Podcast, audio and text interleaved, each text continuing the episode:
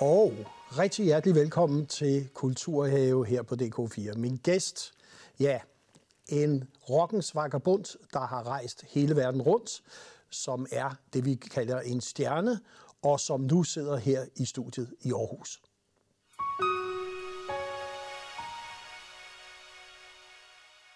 Tramp, velkommen her i Kulturhave. Stor fornøjelse. Og øh, hvis vi skal starte, så bliver vi nødt til at starte et sted. Det hele startede på Vesterbro, Vesterbros Ungdomsgård, hvor du ligesom med din lillebror sang lidt med de her, man kan sige, meget ikoniske øh, LP'er, der dengang kom. Jamen altså, det er utro, utrolig interessant for mig i mit liv i dag at kigge 46 år tilbage og se, hvordan ens liv startede der. Måske ikke en plan, med noget, som pludselig blev til noget helt andet noget. Vi var vokset op på Vesterbro. Vesterbro i 60'erne var et, et hårdt kvarter. Det er totalt modsatte af, af hvad det er i dag. Uh, skilsmissefamilie, halvandværelses lejlighed, koldt vand i hanen. Hvad havde mor? Ikke andet end lige på den anden side lå Vesterbro Ungdomsgård.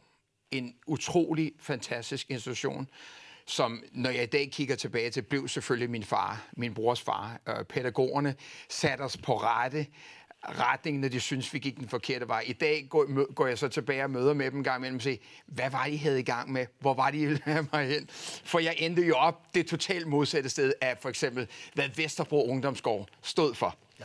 Og øh, det er det, der er så interessant for mig. Ikke? Altså, at, at, at teater og sang i Vesterbrundsår var, var jo bare en del af, af, af fritiden.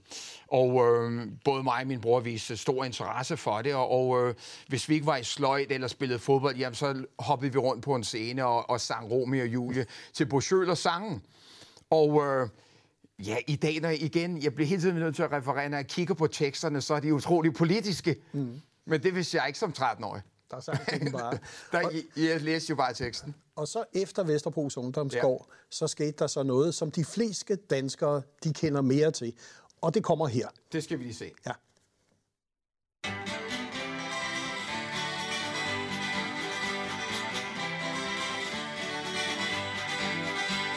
er er.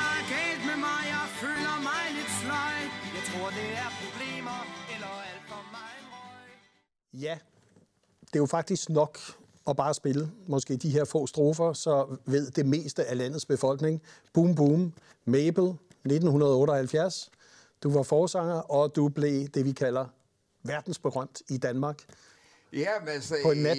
Ja, ja. Jeg, har jo, jeg har jo på mange måder gået rundt med den tunge rygsæk nu i uh, 42 år. Og uh, jeg ved ikke, hvor mange, der kan sidde og kigge tilbage 42 år og så smile af det. Men igen, som jeg sagde før, det var ikke del af planen, men pludselig på en eller anden mærkelig måde hoppede jeg på et tog og tog ud til Stenøse.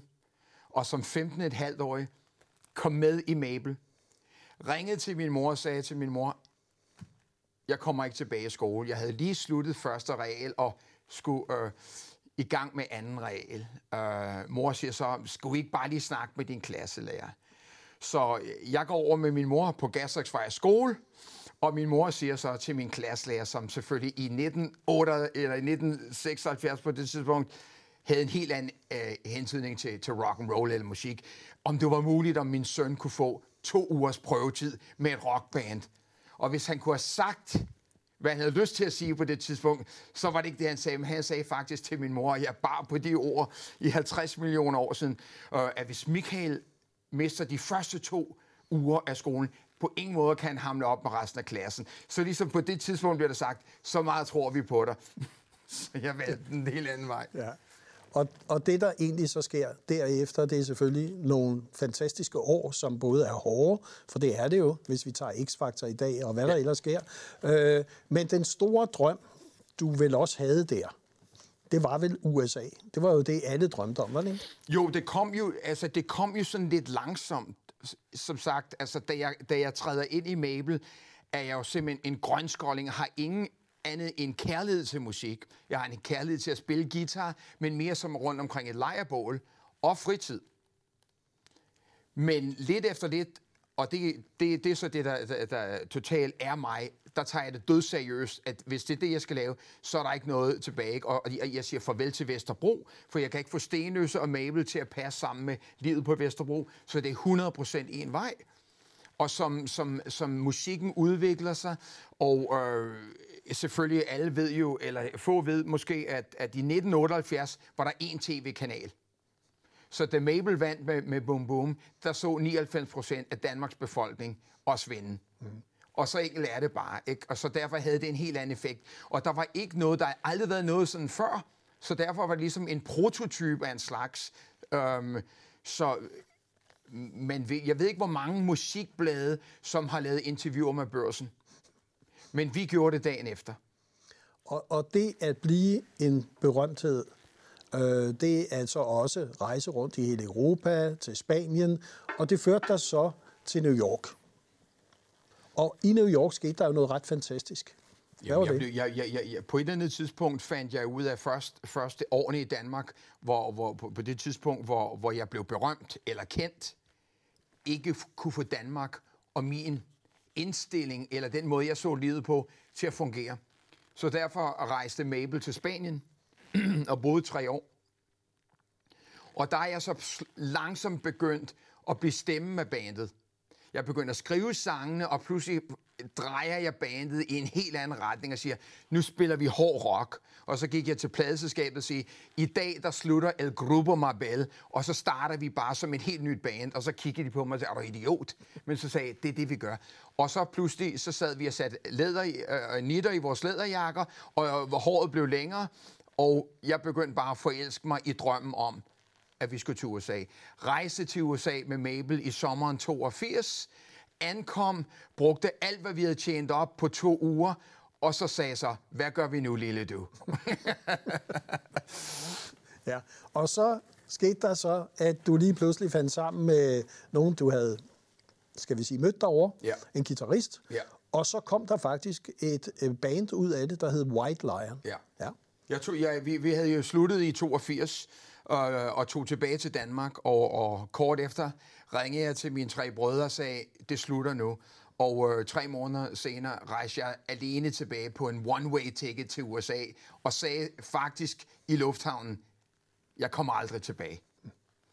Og det var jo så det, der holdt mig i live gennem de mange, mange hårde år, fordi det er New York, og alle i Danmark kender historien om Kim Larsens kapitel i USA. Jeg, vi så to forskellige personer, ikke? men jeg sov jo bare på en sofa på et gulv til en anden sofa, og en gang imellem landede jeg også i en seng.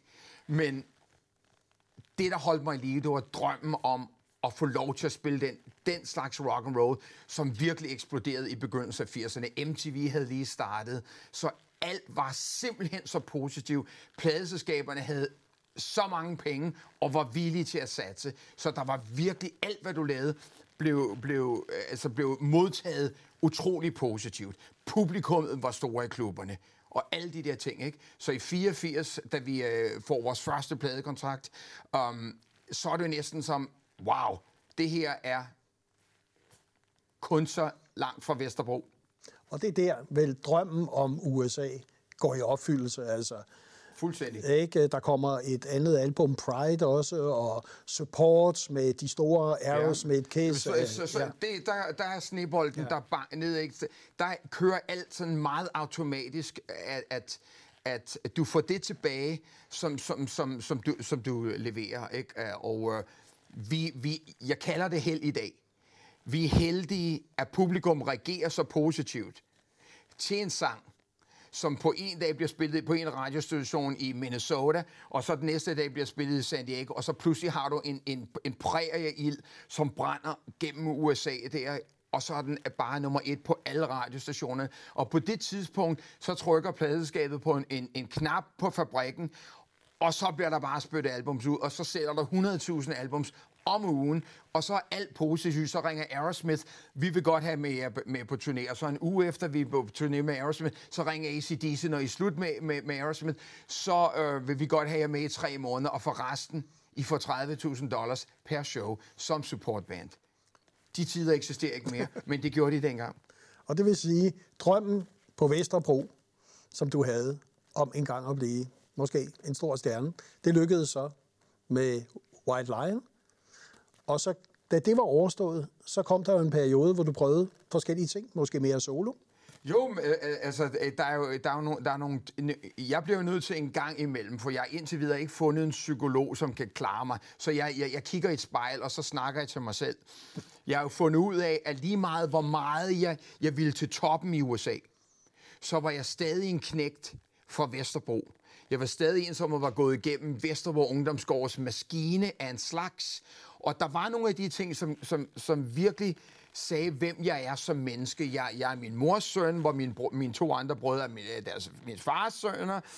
Um, og der er det så bare, at jeg ser, at der er nogle andre ting, der er vigtigt for mig. Når, når du snakker om drømme om USA, så var det ikke at være en celebrity, mm. alt det der, det. Der var det faktisk at, at leve livet, mm. være en del af det. Um, se scenerne blive bygget, øh, de nye lydanlæg udviklet, og alt det. Jeg havde en større faktisk kærlighed for at være sammen med roadierne, en aftershow party med bands. Jeg havde en utrolig interesse i hele den opbyggelse, kendskaben til, mm. til, til, til backstage, til bagsiden af det hele. Ikke? Og det var så det, der drev mig. Ikke? Men, men efter et stykke tid, så kunne jeg mærke, at der var én ting, som manglede, og det var det ægte venskab, som kun eksisterede i det lille land, jeg kom fra.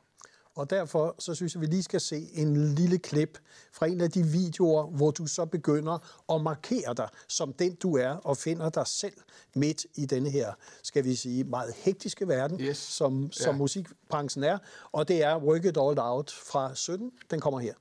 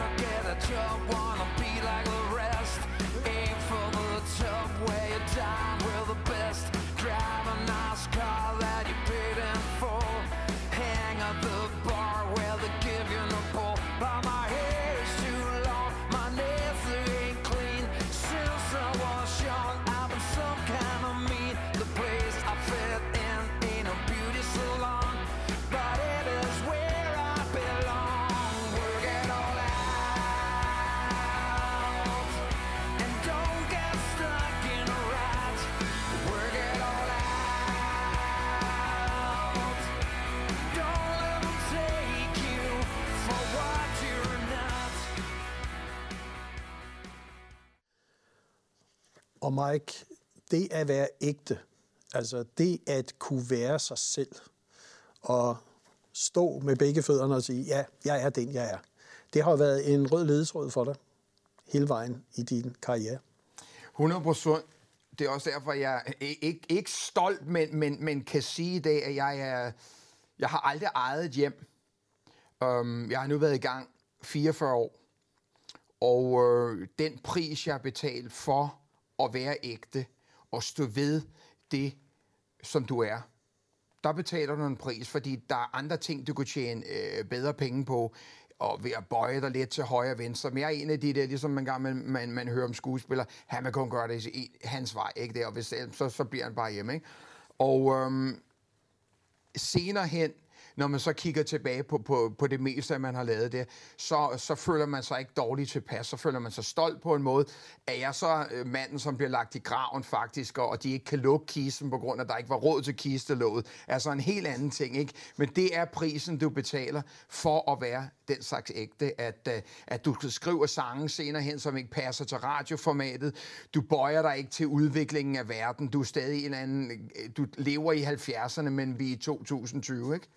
Og det vil sige, at, at det Lars Daneskov i din, en, han skrev en biografi om dig, hvor han kalder dig rockens vagabond. Det er vel egentlig meget passende. Jamen altså, Lars, øh, det, det, tog, det tog 13 år for, øh, for Lars at få skrevet den bog mellem øh, 10.000 gange, vi mødtes hver, jeg, hver gang jeg kom hjem til Danmark. Og, og, og Lars kunne mærke det der, at, at der var noget inde i mig, og, han fandt frem til det der. Og han, han, er, han er et af de mennesker, som, som kan pege fingeren og, og altid siger det rigtigt. Og jeg synes lige, vi skal se endnu en lille video med dig, der hedder Dead End Drive fra 19. Yes.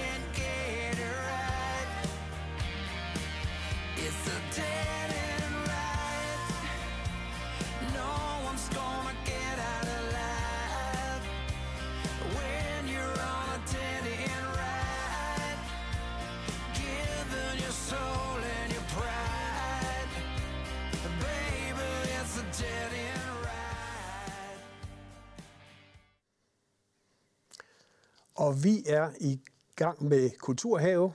Mit navn er Christian Have, og min gæst er Mike Tramp. En fantastisk historie er vi er i gang med at udfolde omkring hele din karriere. Så Mike, det der kunne være spændende at høre, reality shows, X-Factor, øh, alle mulige, vi kan sige, øh, Vild shows, med dans. ja, vild med dans, hvad vi nu ellers har. Det, at du sidder og kigger på alt det, der foregår, hvor du godt ved, at hvis du gav lidt køb på noget af det, så kunne du vel godt blive en stor stjerne i de formater i dag. Men det har du sagt nej til. på grund af, at jeg, jeg, vil, jeg vil skulle sidde og lyve over for mig selv, fordi altså faktisk, altså for at sige det rent ud, altså at den eneste grund til, at jeg vil, jeg vil være, være dommer på, øh, på, på, på Vild eller, eller på, på X-Factor, det der, fordi øh, ville jo simpelthen bare være, så jeg kunne få et nyt tag på min bundegård. Altså det ville ikke være, fordi jeg havde noget at tilbyde folk, der kommer ind, som ikke burde være i musikbranchen, fordi det er ikke den måde, vores helte startede. Det er ikke den naturlige måde for en kunstner at starte og gå ind og stå og, og, og, og den måde. Jeg fuldstændig erkender, at det her er 2020, og det jeg sidder og siger, det er bare den, min holdning. Men det passer bare ikke altså, at, at sidde og forklare for børn på 12 år, hvordan de skal synge uh, When a Man Loves a Woman, og der går måske 8 år, før de overhovedet får nogensinde kysset en pige. Det giver bare ikke nogen mening for mig. Fordi, øh, men det er, verden er blevet, at underholdningen er mere vigtigt end, end måske emnet at, at, i, i sig selv. Ikke? Og, og efter i 2010, hvor jeg var med i et program, som, som hed All Stars, men hvor jeg kunne spille mig selv, og var øh, bare en korleder det der, ikke? så fik jeg jo altså tilbudene hver anden uge, om det om hjem og spise hos ham, Skatteøen eller øh, Vild med Dans, det der. Og så sagde jeg bare efter fire år, I bliver nødt til at slette mig fra jeres kartotek, for jeg er ikke interesseret. Jeg er dødtaknemmelig, og jeg faktisk kunne godt bruge pengene, men jeg har intet at tilbyde, fordi det I ikke får mig til at gøre, det er at spille en anden rolle end mig selv. Og der er en sjov lille historie her, som skete i 1987 i New York City, øh, hvor min kæreste sagde, vi blev inviteret gennem en, hun kendte, til Dolly Partons øh, fødselsdag i en anden øh, restaurant eller klub. Så vi var ude og finde en habit til mig, det som ikke sad godt af det. Og der var bare et eller andet på vej der, som jeg følte mig virkelig dårligt pas. Så kommer jeg til den der fødselsdagsfest, og Dolly Parton, der, Mick Jagger, det der, han har jeans på med hulle i det der. Og jeg stod bare i hjørnet og sagde, fuck, jeg hader det lortetøj, jeg er på. Aldrig nogensinde klæder jeg mig på, for at prøve på at passe ind i noget, hvor jeg bare skulle have kommet og været mig. Og Mike, øh, vi skal lige se en lille øh, smags, der hedder Best Days of My Life. Meget symptomatisk. Bye.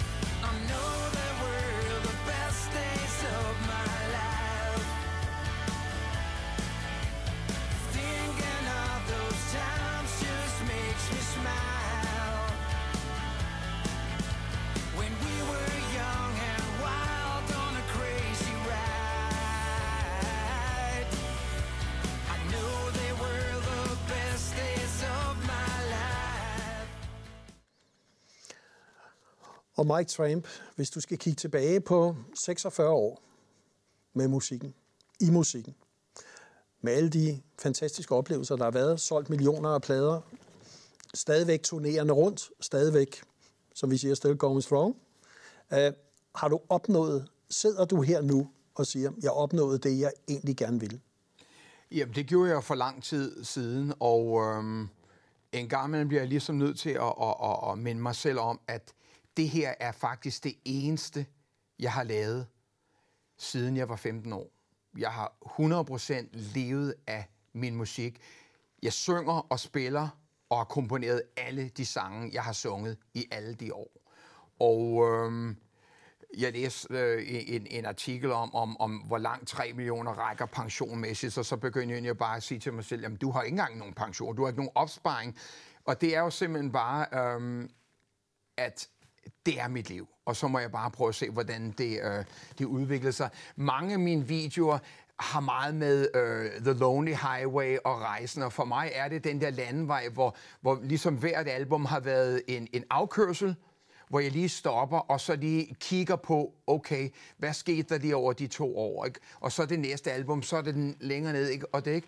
Men når jeg kigger tilbage, og, og, og de fans, som har, har besluttet at følge mig stadig i deres liv, som er nogenlunde på samme alder som mig, og kigger, og, og, og så ser faktisk, at mit første soloalbum, som kom 20 år siden, er faktisk det samme, som der er i dag, at, at du har et blueprint, og det bliver ikke ændret. Det bliver bare en, det er bare en fortsættelse af det, af, af, af en slags. Ikke?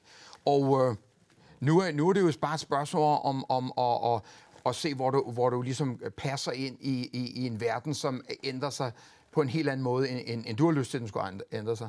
Og jeg synes lige, vi skal se en lille snas fra dit seneste øh, video, der hedder The Road fra 2020.